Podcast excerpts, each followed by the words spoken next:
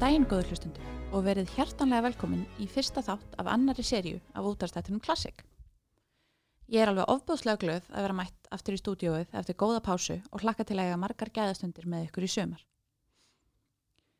Við hófum leika í fyrstu sériu á manni sem hefur verið kallaður fadir vestrætnar klassískar tónlistar og því þykir mér kjörið að fjalla í dag um móður klassískar tónlistar, Hildegard von Bingen, sem oft er kalluð Hildigerður frá Bingen á íslensku.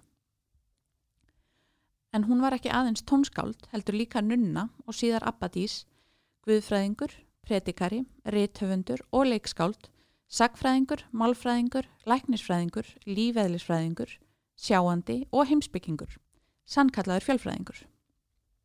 Og ekki nómið það heldur viðurkendi Benedikt Páfi hana sem dýrling innan katholsku kirkjunar árið 2012. Geri aðri betur.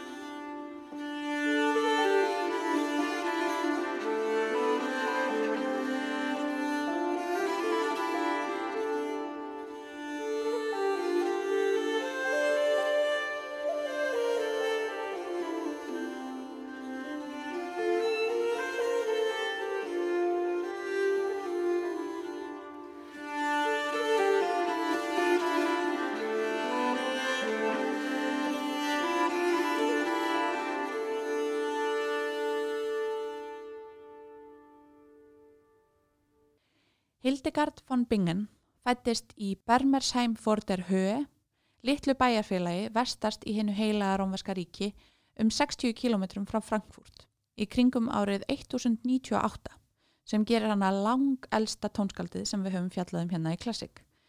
Sem dæmi mann efna að það er lengra á milli hennar og Jean-Baptiste Lully sem er næst elsta viðfangsefni okkar en er á milli mín og Lully.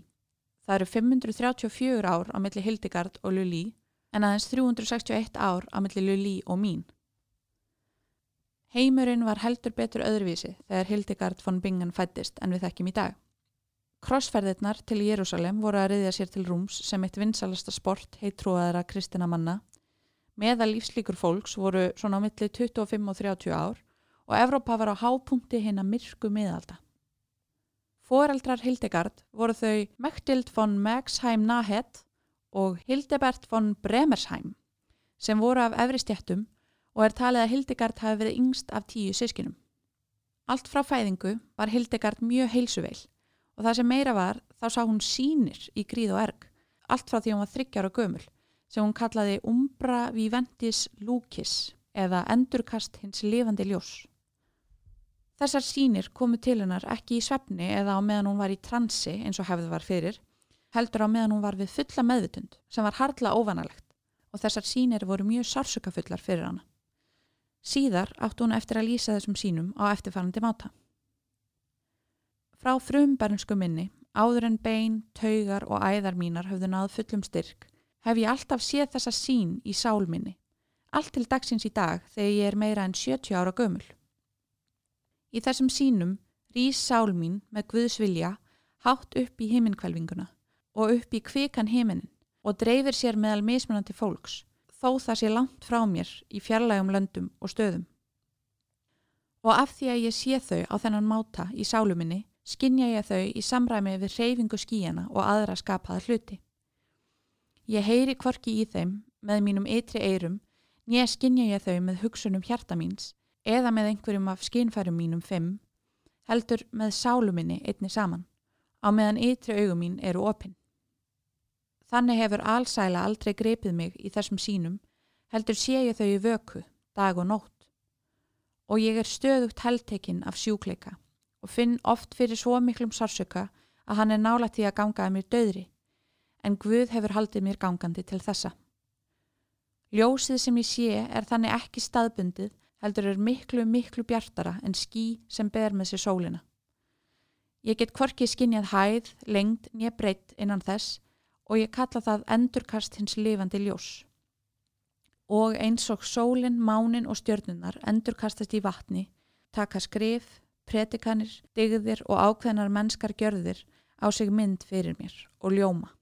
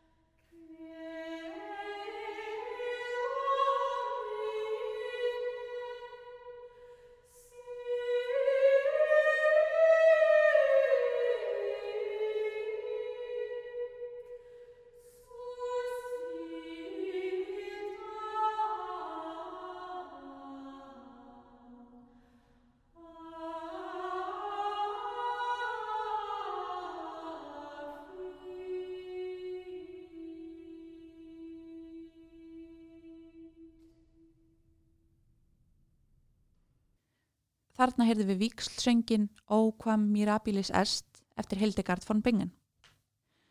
Áðurnemdar sínir urðu til þess að foreldrar Hildegard ákvaða að senda hana í klaustur 8 ára gamla. Nánar tiltekið Benediktsmunga klaustrið Dísiótenberg sem var blandað klaustur bæði með munkum og nunnum. Það að foreldrar Hildegard hafi verið að öfri stjættum gerði þeim kleift að senda hann í klaustur því að til þess að fá ingöngu þurftu stúlkur að taka með sér ríkulegan heimannmynd sem svo var nýttur til þess að fjármagna starfsemi klaustursins. Þar kynntist Hildegard nunnunni Juttu sem var um það byrja 8 árum eldri og tók hana undir verndarvæng sinn. Jutta hafði frá unga aldri lifað miklu meinlætalífi. Hún hafði sem barn til að mynda lokað sig af í litlum gluggalösum kofa við hliðin á klöstrinu sem hún neytaði að yfirgefa. Einu samskipti hennar við annað fólk var þegar hún fekk mat gegnum litla lúu. Síðar á æfinni, eftir að hún kynntist Hildegard og varð Abbadís, var hún þekkt fyrir að byggja berfætt tímunum saman í snjó og miklu frosti og hún gekk um hlaðin keðjum undir kuplunum sínum. Það kann meira að segja að vera að hún hefði stundað sjálfspyntingar á borði að hýða sjálfa sig. Jutta kendi Hildegard að lesa og skrifa og þær myndiðu náið samband sín á milli, þar sem að Jutta fekk líka sambarilegar sínir og Hildegard. Saman myndiðu þær kjarna í samhældnu samfélagi nunna í klaustrinu. Fyrstu árun sín sem nunna var Hildegard mest í því að sinna gardvinu, hjúkra veikum og öldruðum og læra salma utanbókar með jöttu. Þetta var líklega upphafið á tónlistamöndun hennar og samhlega því lærði hún á strengjahljóðfæri sem kallast salterium og er ekki ólíkt líru. Annar stór áhrifavaldur í lífi Hildegard, munkurinn Volmar, er talin hafa kent henni að skrifa einfaldar nótur. Talaði líklegt að hún hafi byrjað að semja tónlist á þessum tíma.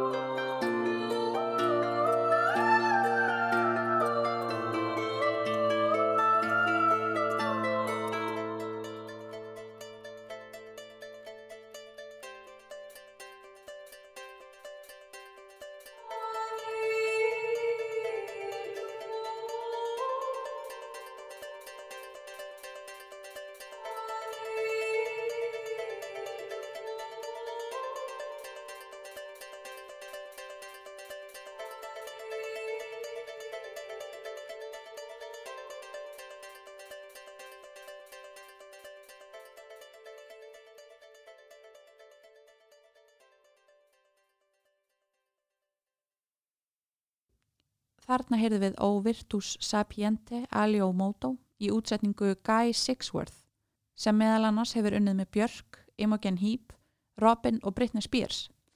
En Hildegard okkar passar að mínu mati ansi vel í hóp þessara kjarnakvenna.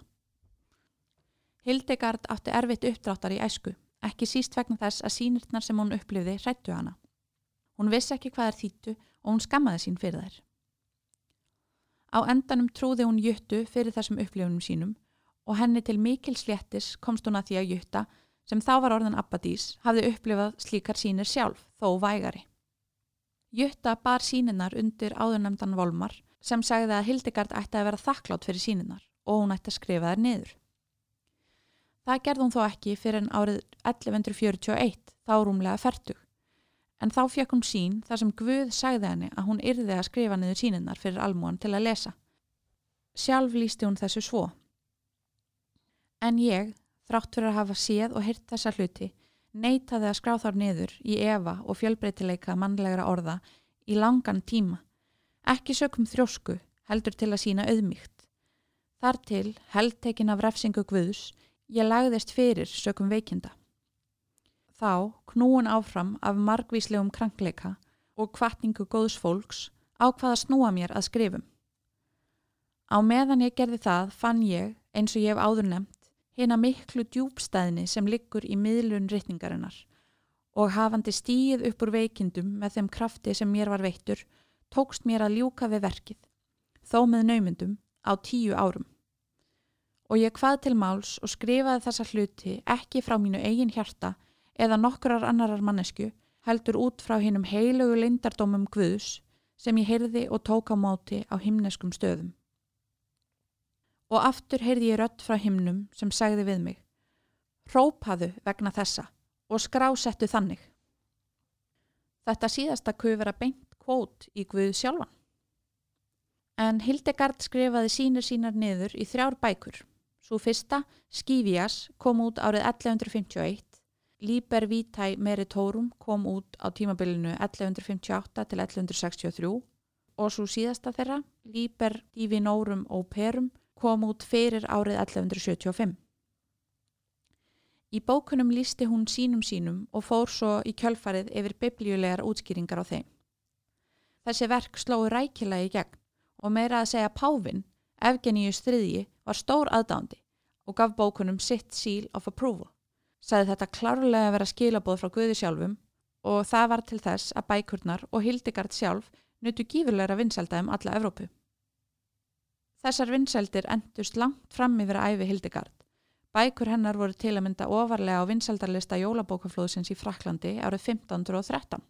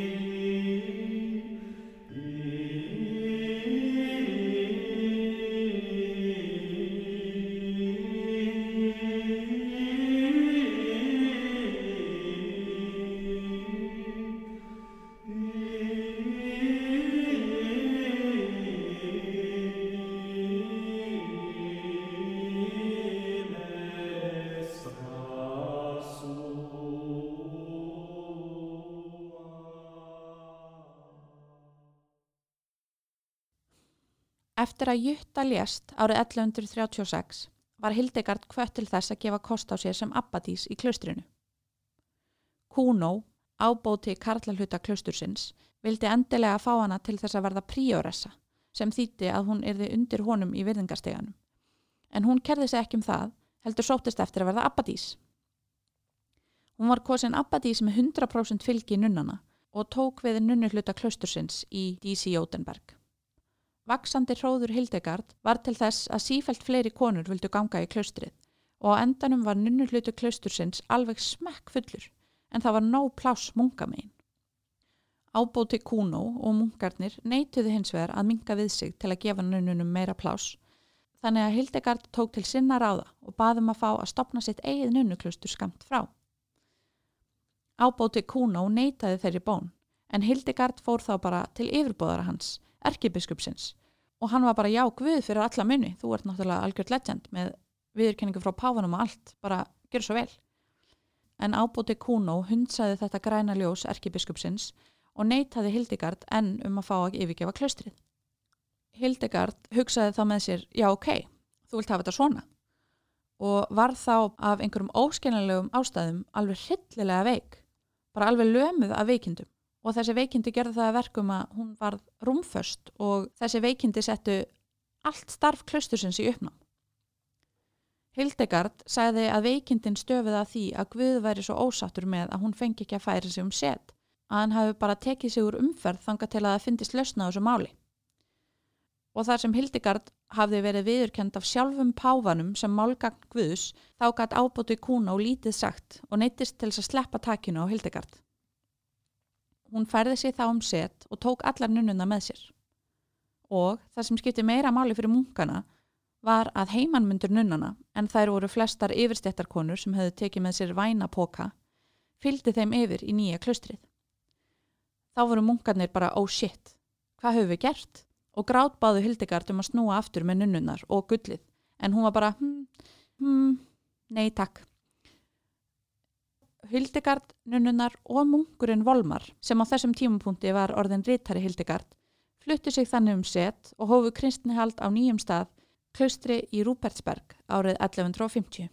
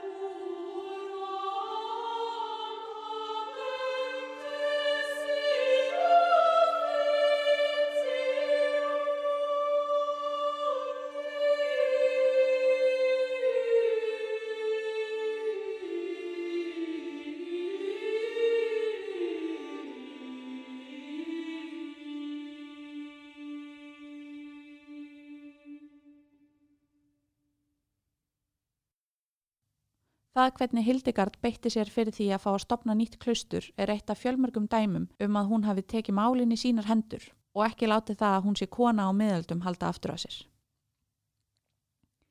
Í nýja klaustrinu tóku nunnundar og Hildegard upp þráðinn þar sem frá var horfið. Eittu dögum sínum í innkverfa íhugun, að brugga vín og fyrst og fremst að tjanta tónlistina sem Hildegard samti fyrir þær. Hildegard taldi tónlist vera einn mikilvægsta þáttinn í trúariðkun, en þau veitti hún manni insýn í þá guðdómlegu fegurð og allsælu sem ríkti í eten fyrir syndaflóðið. Nunnurnar voru yðnar við að syngja tónlist Hildegard klukkutímum saman á hverjum degi og samkvæmt þeim náðu þær tengingu við almættið með söngnum og margar þeirra fengu einhvers konar sínir. Annarkvart var það út af því að Guð er til eða út af því að það var mjög erfitt að syngja þessa sálma og þær voru allar að ofanda tímanum saman sem kom þeim í výmu. Annarkvort, engin leið til að vita.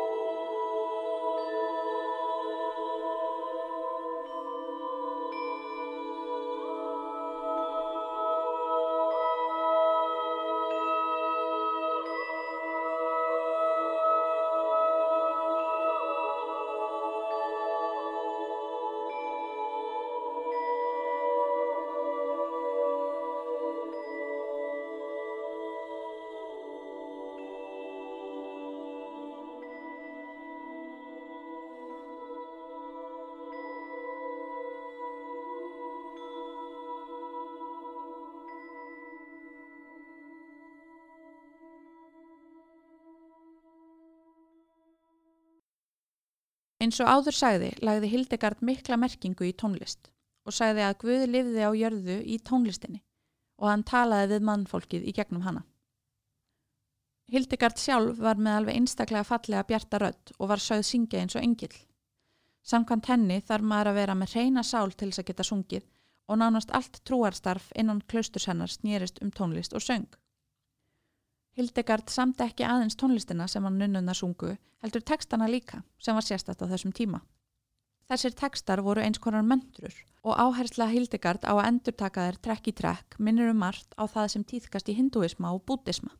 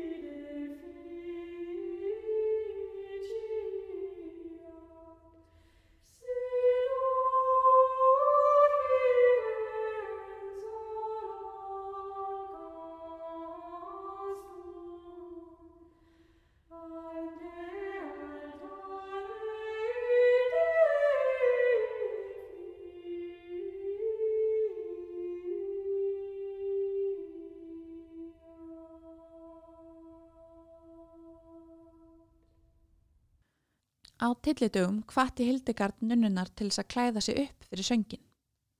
Það leti það hárið falla niður eftir bakinu, klættu sig í fallega kjóla og gengu með skartgrippi og silkisleður.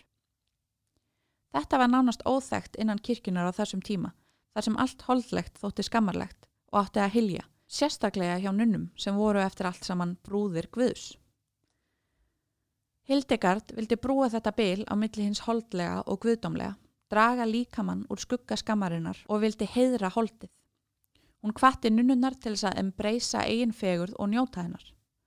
Hún lagði auk þess áherslu á að þið erotíska og þið trúarlega væru ekki andstæður, heldur væri hægt að vera trúrækin og erotísk á sama tíma.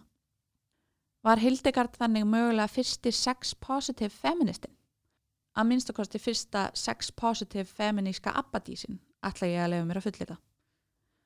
Hildegard samti ekki bara tónlist fyrir tilbeðslu, heldur samti hún einnig árið 1151, Ordo Virtutum, sem er það sem kallað er á ennsku Morality Play og er nokkurs konar söngleikur þar sem megin viðfangsefnið eru hinnar kristilegu degðir. Karakterarnir eru degðirnar auðmygt, von, skýrlífi, sakleysi, andúð á hinnu verallega, himnesk ást, hóværð, miskun, sigur, gætni, þólinnmæði, þekking á guði, ölmusa, guðsótti, hlýðni og trú. Þessar degðir sem leiknar voru af konum virkuðu einni sem fyrirmyndir fyrir konunar í klaustrinu. Auk þessara degða var einn karakter Ordo Virtutum djöfullin sjálfur en hann var leikin af rítaranum Volmar. Allir karakterinnir sungu nema Volmar sem öskraði og stundi því að samkvæmt Hildegard var tónlist komin frá Guði og því getur djöfullin, eðli málsins samkvæmt, ekki sungið. Svona morality leikrit eða söngleikir voru mjög vinsælir á Englandi á Tudor tímanum og víða um Evrópu á síðara hluta miðalda. Ordo Virtutum er fyrsta dæmið um slíkt leikrit og er eldsta þekta sviðslistarverkið með tónlist sem ekki er beintengt helgisíðum.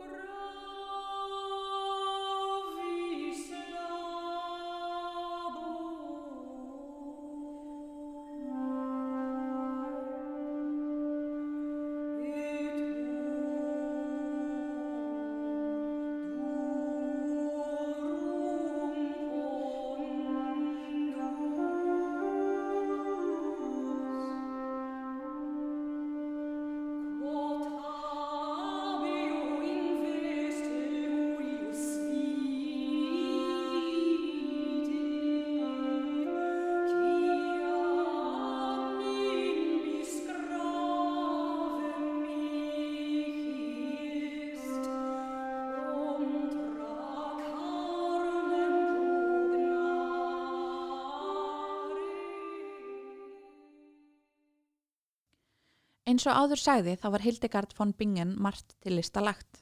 Fyrir utan að semja guðdómlega tónlist og tímamóta söngleiki þá gerði hún margt sér til döndurs, svo sem að mála mandölur og semja nýtt stafróf og nýtt tungumál sem hún kallaði lingua ignota og var tilbreyði við latínu með ýmsum viðbótum.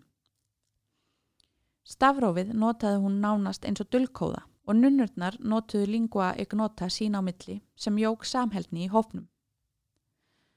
Brefasafn hennar, sem inniheldur um 400 bref, er eitt af stærsta sem varfeist hefur frá miðöldum, en þar skrifaðist hún á við marga af merkustu einstaklingum síns tíma. Allt frá páfum til konunga og keisara.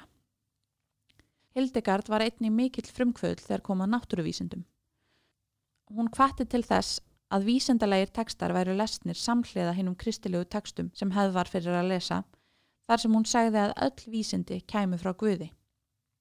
Hún var svo vitaður til fyrst á því landsvæði sem hún bjó á í Þýskalandi til þess að sína náttúruvísundum áhuga og er í dag talin frumkvöðl á því sviði. Hún varaði við því að ef að maðurinn gætti ekki að sér og lifði syndugu lífi væri það ekki síst náttúran sem myndi hafna manninum en ekki Guð sjálfur. Hún síndi mikinn áhuga á læknavísundum og grasalækningum og skrifaði mikið um þau efni. Þar er útgangspunkturinn ekki trúarlegur heldur talar Hildegard út frá sinni eigin reynslu af því að nýta það sem náttúran gefur af sér til lækninga, meðal annars júrtir sem hún ræktaði í klausturskardinum og hún nýtir sér einnig þá vitnesku sem hún hefur öðlast að því að lesa vísindabækur í stóra bókasafni klaustursins.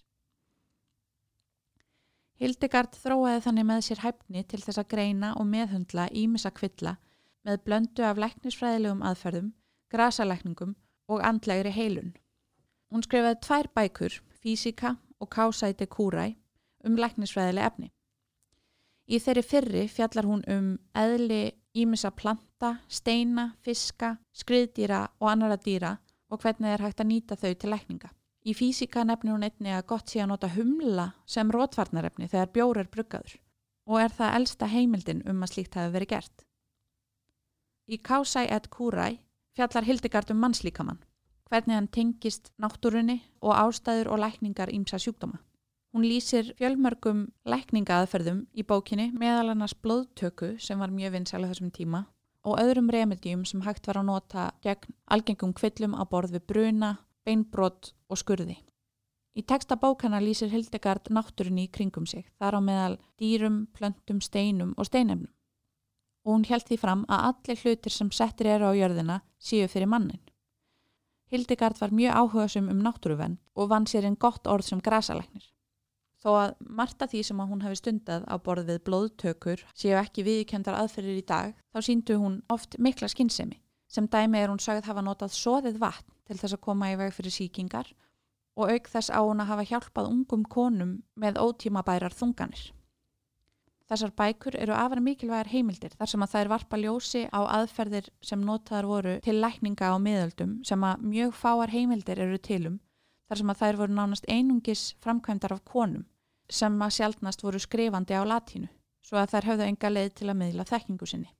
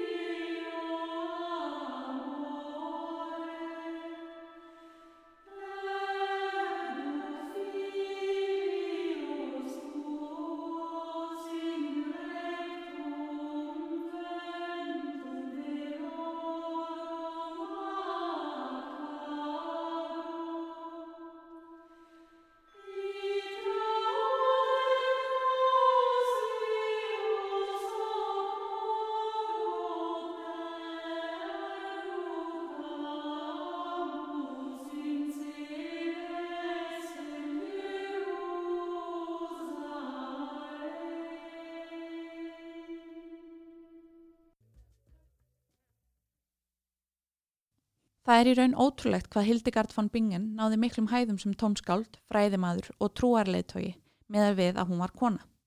Þegar hún var uppi var nánast engin ofinber mentun í bóði fyrir konur. Litið var á þær sem hefð óæðra kyn og tækifæri þeirra voru nánast engin. Það var sérstaklega erfitt fyrir konur að vinna sig upp virðingastegan innan kirkjunar þar sem að þær máttu einfallega ekki tala í kirkju. Hildegard let það ekki stoppa sig heldur sagði einfallega að þetta væri ekki hún að tala, heldur Guð.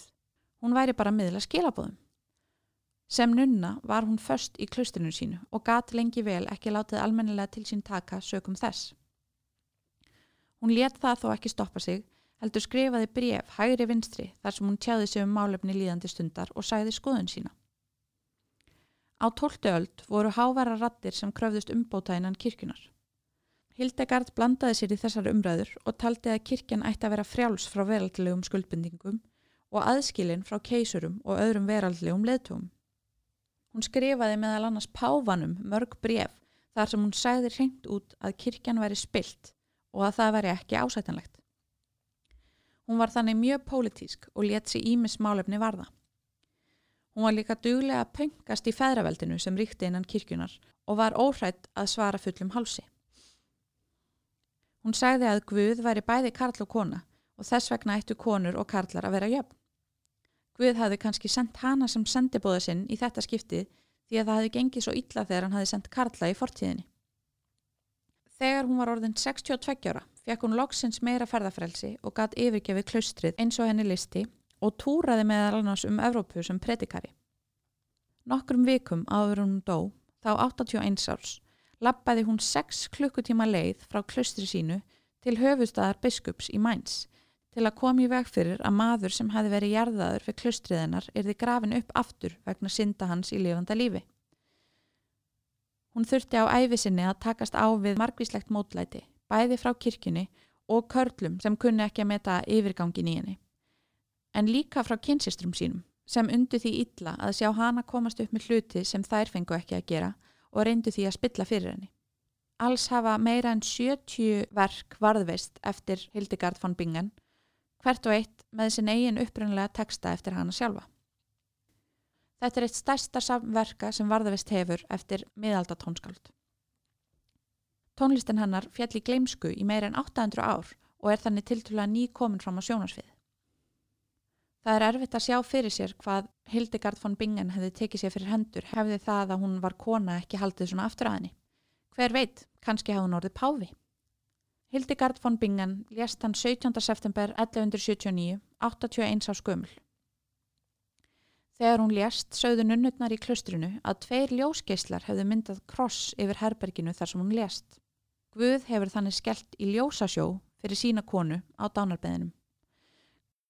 Now